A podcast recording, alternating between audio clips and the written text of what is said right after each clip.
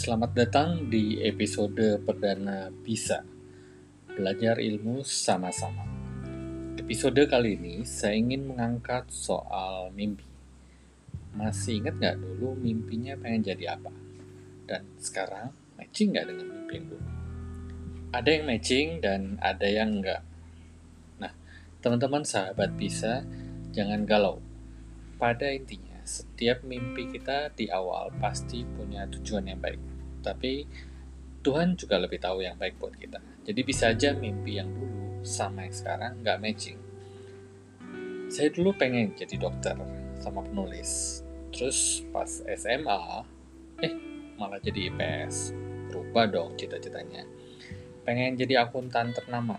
Eh, lulus malah nggak lanjut kuliahnya.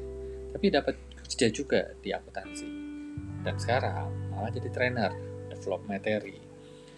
Akuntansinya gimana? Dapat juga sih tapi dalam konteks yang berbeda yaitu financial planner. Dan kepake di dunia kerja.